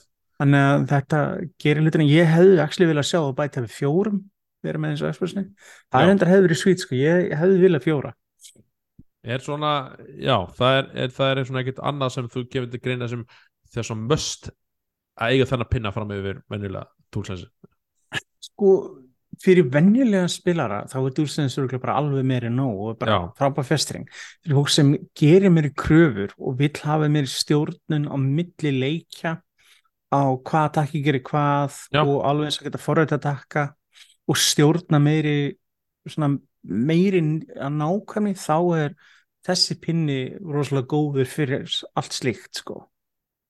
Já, akkurat. Uh, þessi mælur með honum? Já, alveg klá, klálega, Ok. sko ég mæla alveg með hann fyrir, sko, en ég, eina sem ég segja er þetta er svona með þeim fyrirvara er svo lengi sem þú getur fengið úr, að nýtt það sem hann býður upp á, hann býður upp á rosalega margt skemmtilegt, mm -hmm. góða hluti. Ef að það eitthvað, eitthvað þess nýtist þér ekki spurning ef það gera ekki, þá er þetta bara heldur þið við viljandi dúlsins, það er bara Akkurat. Ég hef hugsaði mitt, ég get keppið þrjá dúlsens uh, dúlsens pinna áður en ég keppið Já. það eins og ég segi, staðsti gallin við hann er batterið, það er verður bara að segja, það er Mhm. mesti veikleikin ef þeir gefa út uppfara útgáðu sem með betra batteri þá bara hækkar hann bara í eh, sko, gæðum 1 og 3 sko nákvæmlega uh, 5 uh, Edge fær meðmæli frá Sveini já, eins og ég segi, ef Mhm. þú ert eftir markkópurinn og ert svona, já, vilt aðeins meiri gröfur þá er þetta klálega málið fyrir alla hinna, þá er Mhm. dúlsens venjulegur Já, Alveg það, kom, það kom mér að óvægt svo hvað margir voru að hæpaði fyrir hann einhvern veginn. Ég hérna, þegar ég sá verðið, ég bara, wow, þetta klikka svo bara, Já, en þessi bara að sko- kaupa, þessi bara en- að fá hann, þessi bara að fá hann Já, en eins og ég segi, sko, ég veit það er umlega markaðna, auðvitað bæði ástæðan fyrir Sony og Microsoft er að gera þetta og það er þessi, allir þessi third party aðalar sem er að selja sér festringar, það er engin tilvílin þetta er staðar. Mm Nei, og þannig að sem sagt, það eiluslega er markaður ég menn maður sér það regla, ég man ofta ég var að, þú veist, að vinna með þetta og fólk var að koma inn og spyrja um fjastringar um þess að það vildi fá ykkur takka, það vildi gera þess að það var að spila Call of Duty að miklu meiri svona keppnisgráð en maður sjálfur Já, nokkuð tíma já, fólk var komið gerði. addon fyrir hana til að Já. setja eitthvað backbuttons eitthvað og þannig að að semst, þá klálega sem sagt eru svona fjastringar málið Akkurat uh, Og hann er til bara Já, bara, já, rölt í næstu ráftækaveslun, nelkaðu geimstegin hvað sem er annar staðar og þá ættir að geta valið hana. Nákvæmlega.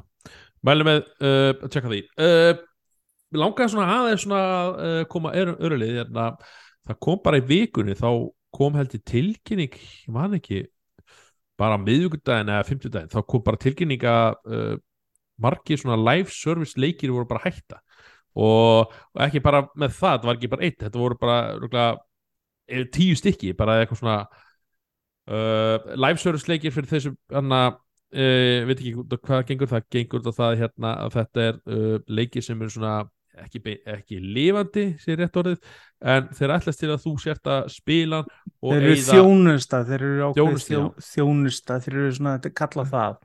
Þeir eru svona þjónustu mótel, viðskiptamótel það sem er verið að selja hluti og fleira Já, og þannig að þú ætlast til að kaupi þá Battle Pass í leiknum og, og, og endist í uh, tilteknar í leiknum uh, frekunarum. Uh, þetta voru, jú, svona stærri hérna ok, pásum hana. Já, við erum mættir aftur, það voru smá tæknilega örfuleikar hjá okkur, uh, Mhm. vonandi getið fyrirgefið það, þannig að Uh, já, þannig að vonandi fyrir bara beint í áfram í þessu þræði, við vorum að tala um Já, sveinn, hérna- leikir sem áskrift eða svona leikir sem þjónusta like Já, Game ákveð. Service Live. Það er, það er flotta, flott íslenska þessu.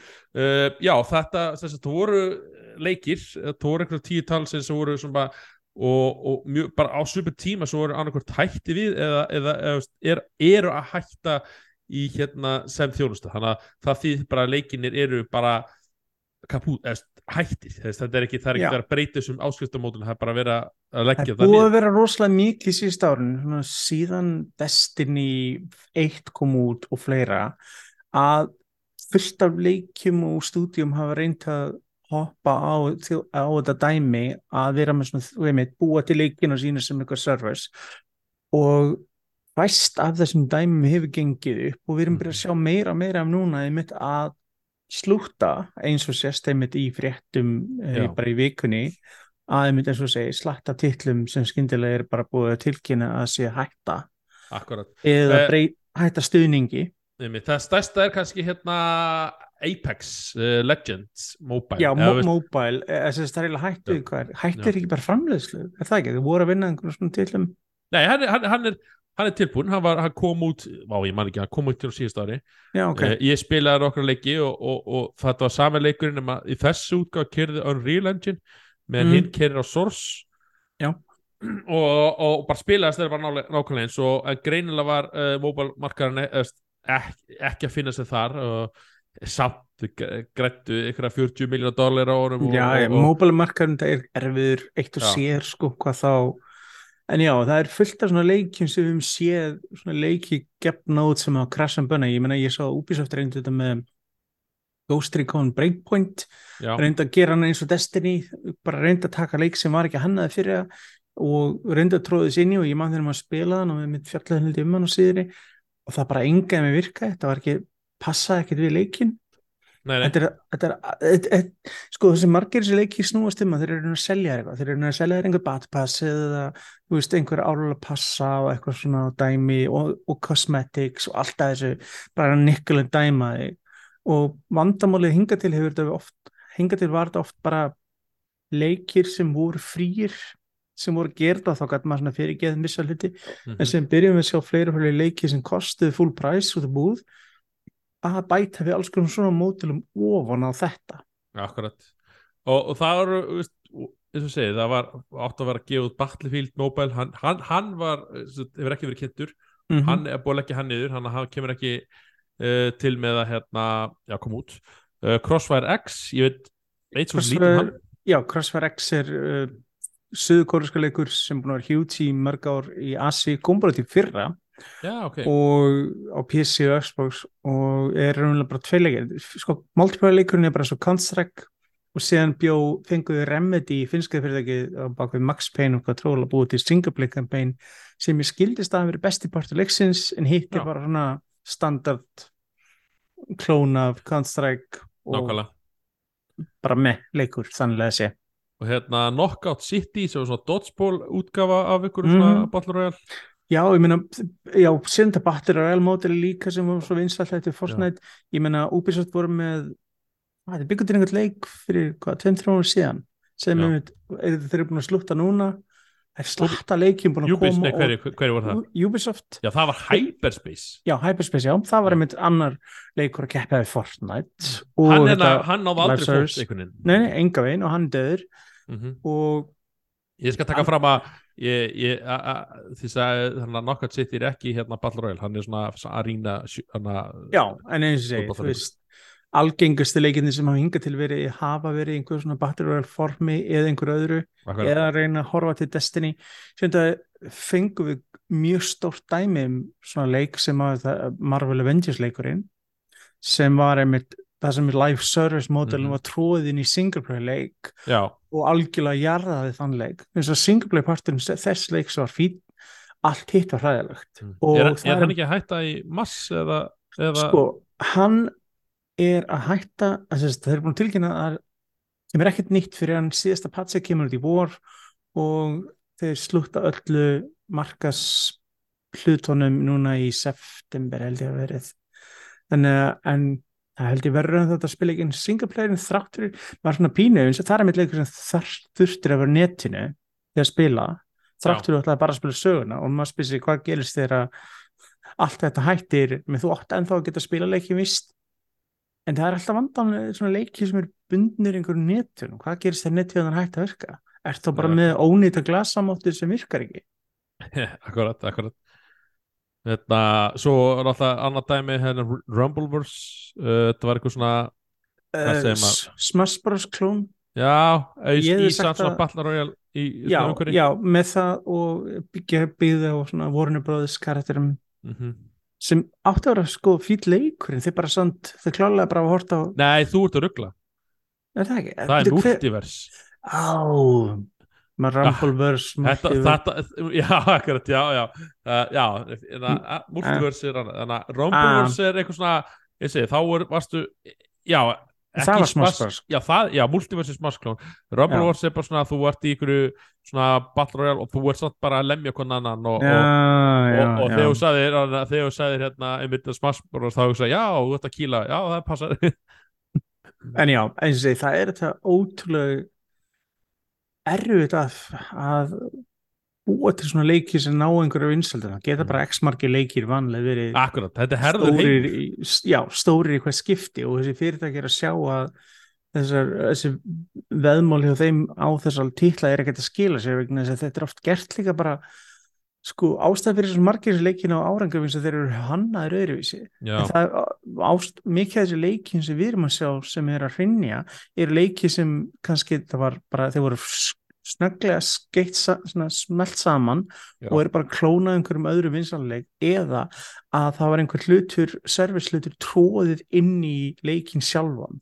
Og þá fáum við svona afskræmingar af títlum eins og Marvel og fleira Avengers leikin já, sem það hlutar af hann passa ekkert saman við annan. Og ég prófaði, ég prófaði Apex Legends Mobile og, og það sem ég prófaði var nokkuð skemmtilegt fyrir að vera mobile-leikur það var bara alveg svo Apex uh, á netinu en Mm. þú varst náttúrulega í síma útgáfu hann að það voru bottar fylltir á sörunum og eitthvað svona Já, ég meina, þetta er, alveg. meina, maður veit að player, player unknown og Fortnite er greiðlega vinsalur á mobile líka. en bálið við þann leik er að uh, sem sagt, þannig að þetta voru tvær mismöndar útgáfu leiknum eða þú fattar þetta voru tvö system life service það sem keftur á PC var ekki afgengilegt á mobile og öfugt Já, sem Þannig eru hausörkur. Já, veist, ég, ég, ég, ég gekk aldrei svo langt til að kaupa Battle Pass í honum. Þetta er það sem kallar þess að splitta userbase-inu. Þannig að já, ég hugsa Af hverju ætti ég verið að kaupa Battle Pass í mobile útgáðinu og þannig að Apex? Af hverju ekki að samnýta einhvern veginn veist, Þá hefði ég kannski hugsað ef ég, hefði getað levelað hana Apex, hana mobile eða spila Ape- mobile Já, og verið að levela on, on, on the go að gera eitthvað svona dútlæri yngur sem kemur tilbaka og spilar stóra bróðurinn og heldur áfram með eitthvað Einmitt. þannig að þetta er eins og sé þetta er hérna og, og, og sérstaklega bara eins og sé Sony er búin að gefa þetta kynna að þeir eru með einhverja svaka uh, ég er er skít hrættur að þeir eru alltaf allir eru allir að plana einhverja fullt af einhverju serviceleikjum. Þeir eru að því já, ég veit það og þeir keiftu Bungie sem um gerir Destiny og maður bara, ok, eins og mér fyrir fyndist Destiny, ég elska Destiny þegar það kom út ég hef alltaf verið mjög leikinu Bungie en ég var mjög ósáttur við síðustu ár hjá Destiny af tvö hvernig er, sko það var Season Pass það var Battle Pass, það var yearly dæmi þetta var bara, þetta æfti svo mikið peningablokk. Og ég er enda kend, kendi mikið Activision um það og ég hef forðan að sjá hvað gerist undir stjórn Sony versus Activision og ég er að vona að þetta fara að skána en ég veit það ekki. Mm það er árið allt og mikið af þessu dóti og það er sýnir sig einmitt að svo mikið að svona tillum er að feila vegna þess að þetta gengur ekkit upp, þetta er ekkit þjónustumódel sem gengur til lengdar sko, Nei, ég þetta getur gengið upp í vissum kringustæðum og vissum tillum en ekki allir leikir ég að vera þetta skilur. Mér að það að Witcher 4 live service game skjóttu mig skilur, þá myndi ég segja bara það sko. Ég hérna, já, ég hef trú á þegar vinur okkar hérna í hérna CD Projekt er ætti að sleppa því. Já, og þeir, þeir þetta við uh, Halo Infinite líka, Microsoft við Halo Infinite, átt að vera með svona live service dæmi sem ekki. Upp svo sem er grátlinn þess að singleplayer parturinn af Halo Infinite er virkilega góður og ég var mjög spenntur að sjá hvað að svo gera ekki En bara, ekki, ekki, var ekki bara það gekk ekki upp heldur var bara, þú veist, þeir voru ekkert að gera neitt til að láta þetta ganga upp heldur. Sko, COVID þetta fór hrikalega með þann Já. leik í framleysli það er að þeir þurftu að strýpa svo mikið nýður til þess að gefa leikin út dráttir að senka nokkur sinnum. Þannig að sáleikur þjáðist mikið fyrir það. En maður hugsaði með þess að ok, það er samt einhver grunnur næsti leikur hefði getið mjög spennandi þess að þeir töluðu með þess að Infinite átt að vera allt byggt á honum næstu árin eða þú veist það var grunnur sem allt byggði á. Og núna eru svona rúmur um að þetta er bara þetta er bara rístartar næsti sko. Þannig að maður veit ekki hvað er rétt í þessu sko. Ég er að vona að þeir ekki fara ekki þá leið sko. En þeir með alveg slepp þessu cosmetic þeir eldist við þetta. Battle Pass og cosmetic sullið svona Games as a Service dæmi eins og sem margir aðrir. Og það klálega fór ekki vel í fólk. Nei, nei, einmitt. Uh, Ert þú að spila eitthvað svona live service leik? uh, engan. Ég hata þetta system algjörlega, ég hef aldrei á æfinni borgað fyrir neitt svona Battle Pass að neinum leik ever. Mm -hmm. aldrei. Ég hef kipt pass fyrir fulltalegjum sem er vanlega þá ertu að kaupa eitthvað content en ég hef aldrei borgað eitthvað fyrir eitthvað svona skin eða eitthvað, kannski verið fristaður af og til kannski en nei, ég neita að styðja við svona vittlisur ég hérna spilaði Apex í, í þrjú ár, þrjú hálft ár já, þú eru örugglega droppað einhver peningu þar og eru líka er ekki? bara, uh, ég, neða, veist, jú, jú, kannski eitt season, en hann að ég festast í Apex og það var alveg ákveðið svona að slítast frá honum. Og Mhm. ég, ég, ég sé, ég hætti honum fyrir meira en hálfa ára síðan og ég hef ekki, byrja, ég hef ekki spilað hann einu sem síðan þá, þetta er svona, það var svona ok, þetta komið gott. Ég mikið ég elskar að leik þá var það bara, þú veist, ég líka hafði tí, lítið tími í, honum í skólanum þannig að já, Mm. ok, bara svona, þetta var svona kvöða bara, að ég þarf að fara að levela til að ná að næsta Já, þetta er, eins og þetta spila svona, ég maður þegar ég sekk í World of Warcraft sín tíma, það, það þurftur að vera þarna klukkan þetta, tilbúum við þetta, taka þátt í þessu reyti og þetta bara, þetta var orðið svo vinna og ég bara, ef mér langaði að fara í vinnuna, þá fer ég í vinnuna, ekkit í frítímanum mín, takk fyrir. Nei, nei, akkurat. Uh, Já, þetta er svona, þetta er svona ákveð ágjur uh, uh, hvernig markar hann fara því að þetta fyrirtækin er, er alltaf sigla þessa leið að fá Já, það er orðið svolítið mikið peningaplokk einmitt í þetta, við sjáum þetta Ubisoft er búin að geta gríðalega með sína leiki að vera að selja alls konar flítileiðir og þetta og hitt og fólk er ekkert rosalega hrifið af þessu Mhm. en það er augljóslega, menn þetta er eins og ég þetta gerir þetta með FIFA og FIFA Ultimate dæmi sem þetta mókar um peningum í aðeim fyrir ekki, nú erum við að kalla eitthvað annað vegna þess að næsti FIFA leikur eh, mun ekki heita FIFA. FC, Ég má- IEFC Já, vegna þess að ég tímdi ekki lengur að borga FIFA uh, svona þetta rökra hvort þeirra var spilt að spilta, að FIFA er spiltar en ég ég er bara astanlega reki. En þeir tímdi ekki borgaðum fyrir réttinu nafni lengur svo að núna þess ári kemur út muni áfram koma út fótballstreikur bara ég, hann mun bara ekki heita FIFA nei, einmitt, ekkert og það verður sama peninga, peningadæmi í þessu öllu eins og hefur alltaf verið sko. Akkurat, þetta, þetta verður svona uh, spennandi að sjá hvernig það fer er sérstaklega enna, þegar uh, nýji uh, já, fótballaleikurinn eh, kemur út. Já, En- hver, hver eru nýju FIFA engstar anstar Já, ég, ég held svolítið í það ég, FIFA hótuði eitthvað þegar nú gerum við bara okkar eigin leik og eða þeir bara semja við 2K og þeir búið til leik Já, það er ekkert já. mál fyrir það að láta einhvern annan fá læsensi já, nefn, ég sé, akkurat. Uh, Þetta er, uh, sem sé, þetta er svona á, sem sé, bitnar ekki beint af mér eða okkur uh, þetta bitnar alltaf á fyrirtækjunum. en það sýnir að bransinin er að breytast einhver leiti Mhm. og sem þessi viðskiptumódulin sem hefur gert út með augljóslega ganga ekkit upp. Og þarf að verða einhverja breytingar á leikjum og við hefum séð leiki ég veit að einmitt að sumt uh, af vandranum til dæmis í nýjasta Dragonheads-leikin sem ég er að gera og Bioware uh, Dragons 4 eða Dreadwolf eins og hann heitir Já. það er einmitt sko þ- sá leiku er bara rebootaður vegna þess að hann átti einmitt að verða N1 live service ævintýrið já, eins og svo margt annað en síðan einmitt þeir bara ég er bara þetta er ekki að ganga upp þannig að þeir eru búin að rítúla hann aftur niður í hefðbundin já, leik mér skilst að, mér skilst að hérna, uh, Suicide Squad var líka þannig. Já, Eða- ég, og einmitt það er einmitt og sér þetta líka í, þarna, ég sá þetta einmitt í Gotham Knights leiknum það, Mhm. en það er endar sko þú sást snefil af þessu. Já, en þeir eru auðvitað hafa bakkað með þetta vegna þess að þetta er allt in-game núna. Já, þú ert ekki að kaupa neitt, þú ert ekki að láta neitt raunverulega peninga hendi. Já, en, við- fann, en þið fannst alveg þú varst að horfa á alla búningana, alla þessar hluti og hugsaði með þessi, hvað hefur auðvöld fyrir það að vera með eitthvað peningablokk dæmi hana sem þeir auðvitað hafa stoppað af. Akkurat, nákvæmlega. En hérna, já, uh, live service leikir uh, leikir sem eru byggðir á þjónustu eða umheld að þetta er svona einhver svona áskrifta móteli og sérst, já. Það er ekki nóg með að kaupa leikinn og kaupa season passin og kaupa battle passin og þetta og hitt og, og síðan eru fyrirtekin undrandi og þú ert ekki tilbúin að droppa 20 skallið fyrir leikinn og allt saman.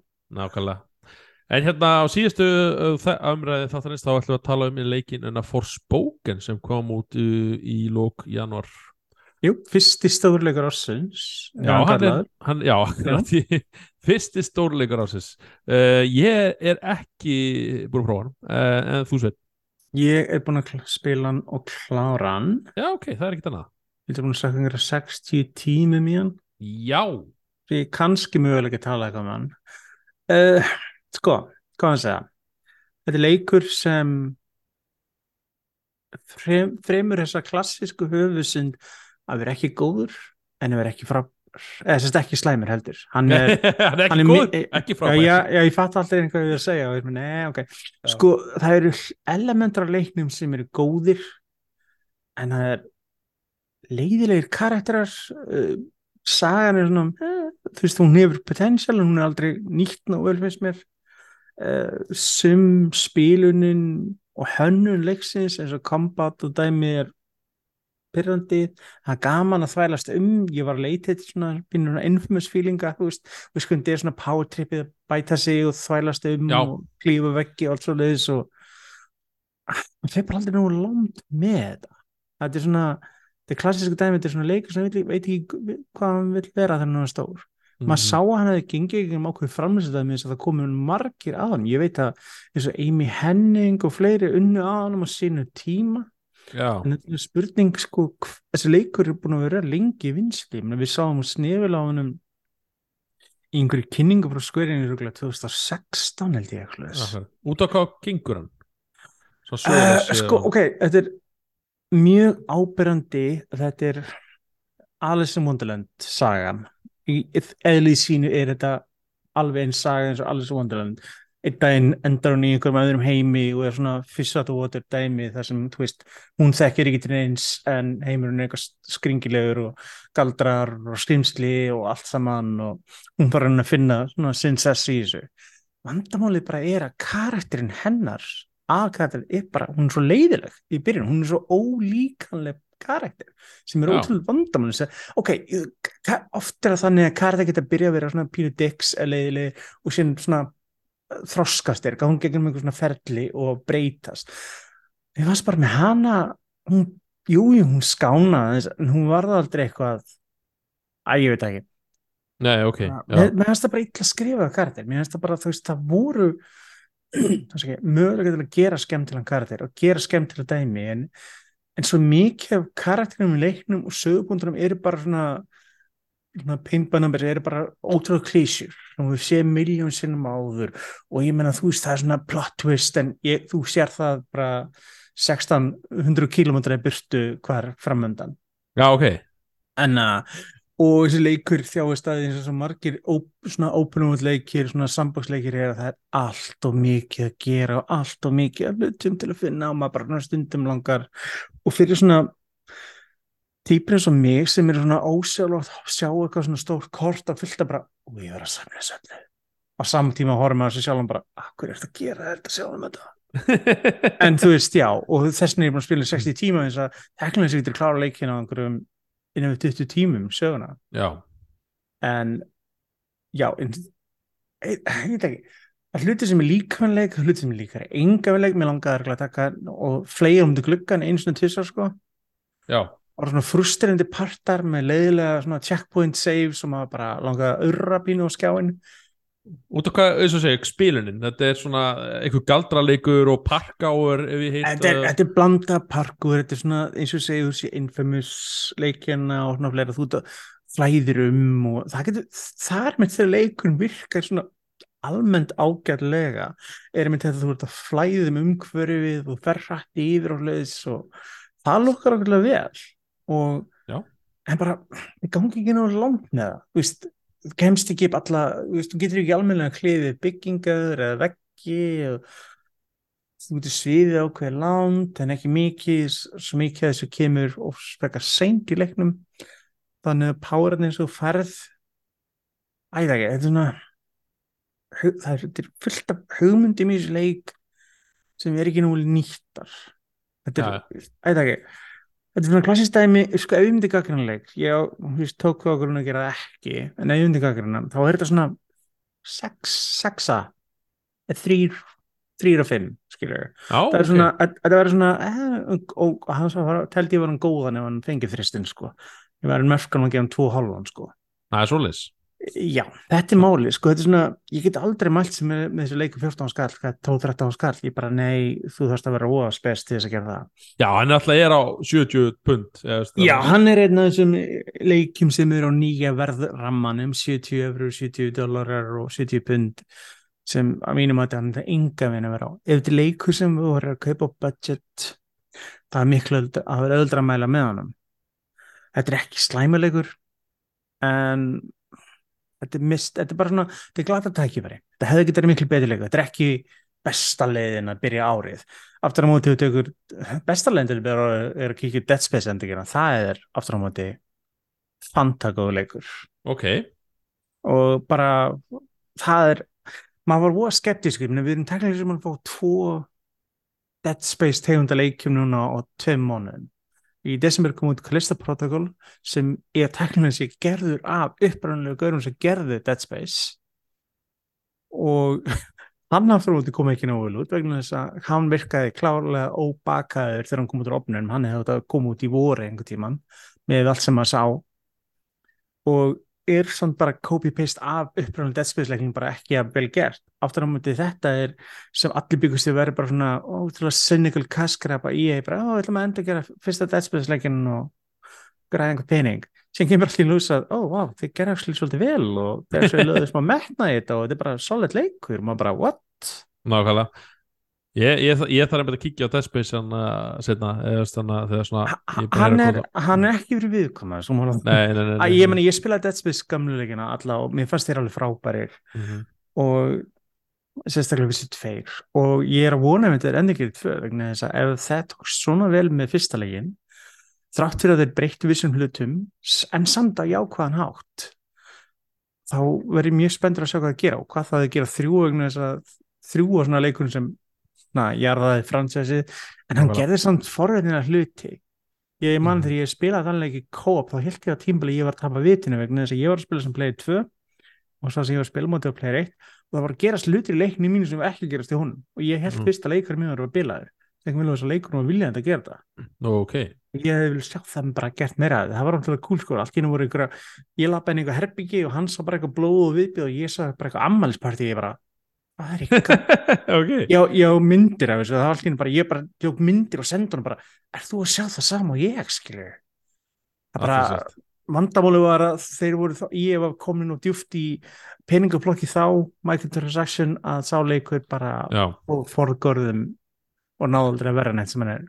Nákvæmlega. En við erum tökum kannski, eins og segið, Dead Space frekar myndum við myndum að ræða Despis frekar síðar en já, ég ætla bara að næða nefna hann Mér finnst ekki ekki, þetta er svona leikur leikur sem við kúst í þá you know, já. Já, en skemmtild surprise. Ég Mhm. bjórst ekki við að ég myndi Square Enix er að búa til hérna fórsbókana ekki? Eða, eða, Jú, hver- Square. Enix uh, þeir eru búin til, þetta eru sumir sem unnað fann fansileikam, þetta er algjörlega Square Enix að þetta er, er japansk já, þetta, ja, þetta, er, þetta er Luminous Engine, þetta er engine sem á að gera Final Fantasy 16 þannig að þú veist hann á köplum er vola teknilega flottur. Mhm. styrir með um þrjá mismöndi grafík möguleikar í á plesinu 5 og styrir líka 120 hers stillingu. Ég spila hann mest af 60 rama stillingunni og síðan quality. En Nei, það ég, ég held að þessi leikur því miður verður ekkert hátt skrifaður upp í staðið. Nei, það er að þú kannski svona þú myndir ekki mæla með uh, fórsbókan á þessu verði sem hann er núna búið Ég myndi segja, skoðið hann mjög vel, kynni ykkur, sko, hann má eiga það, það er til demóanum.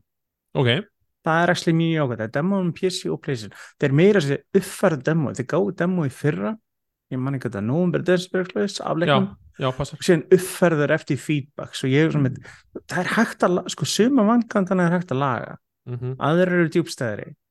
Já, en ég segi ef þú leika upp útsölu og hefur áhuga við þessu hlutum það er alveg, það er skemmtum til að hafa hana. Mm bara verður viss hverju gengur að.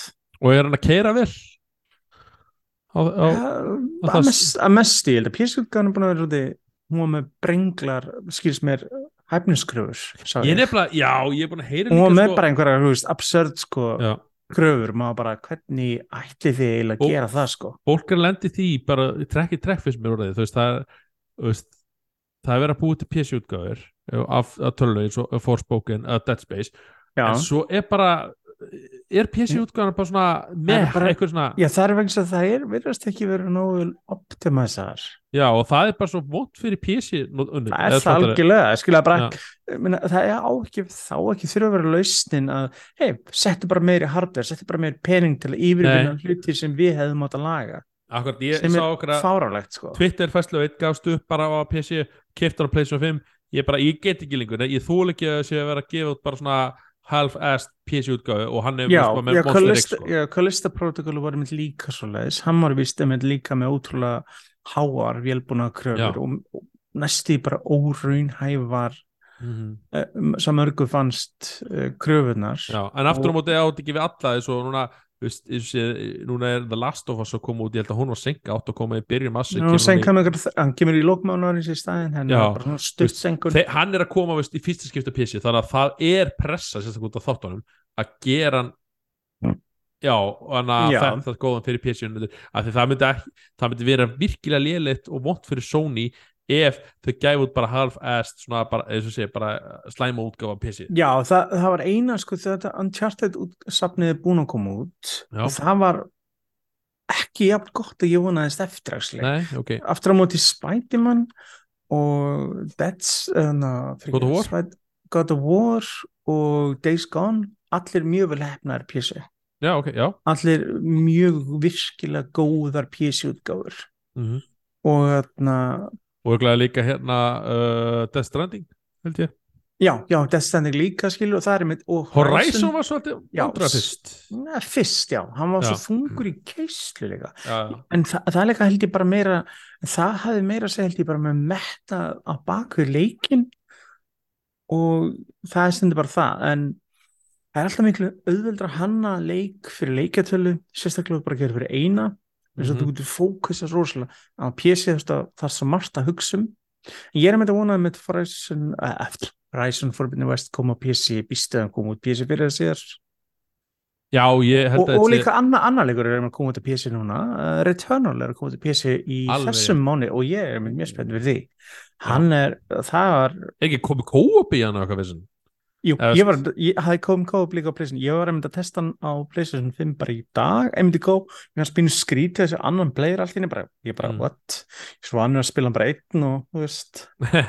En já, en þeir eru að mjög duglega að stiðja við þann leik heimi Mhm, þannig að uh, það er einmitt, já, ég þetta sá leikur eitthvað að koma vel út á PC Já, ég vona innilega, þetta er hana flott stúdíu og, og bara frábæleikur uh, vann til hérna leik ásins og, og, og okkar mati Já, ég held sko málið var þetta með það að Sony kefti hollensku ekki Nixis.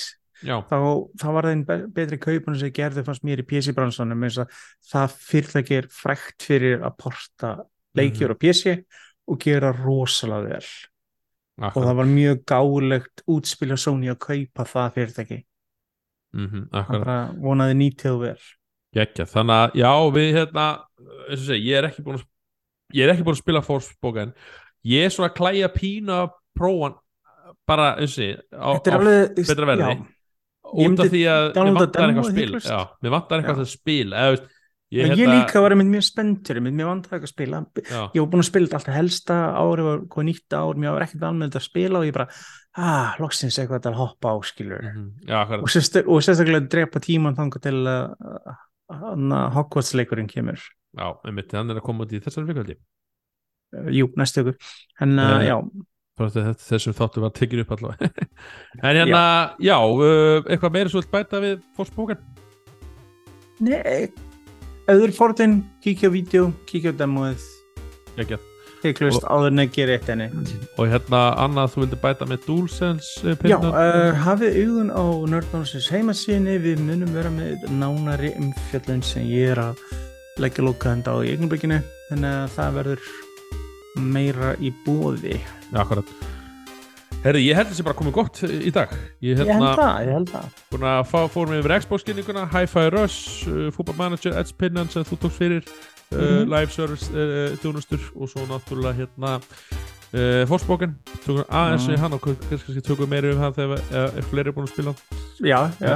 Uh, Meira hef ég ekki annað að segja Er það eitthvað annað sem þú vilt bæta við sveit? Uh, nei, eins og segi, mánuðin er forðnilegur, það er þetta við erum að fá Hogwarts-leikin, við erum að fá PlayStation VR útgáfuna setna í mánuðinum.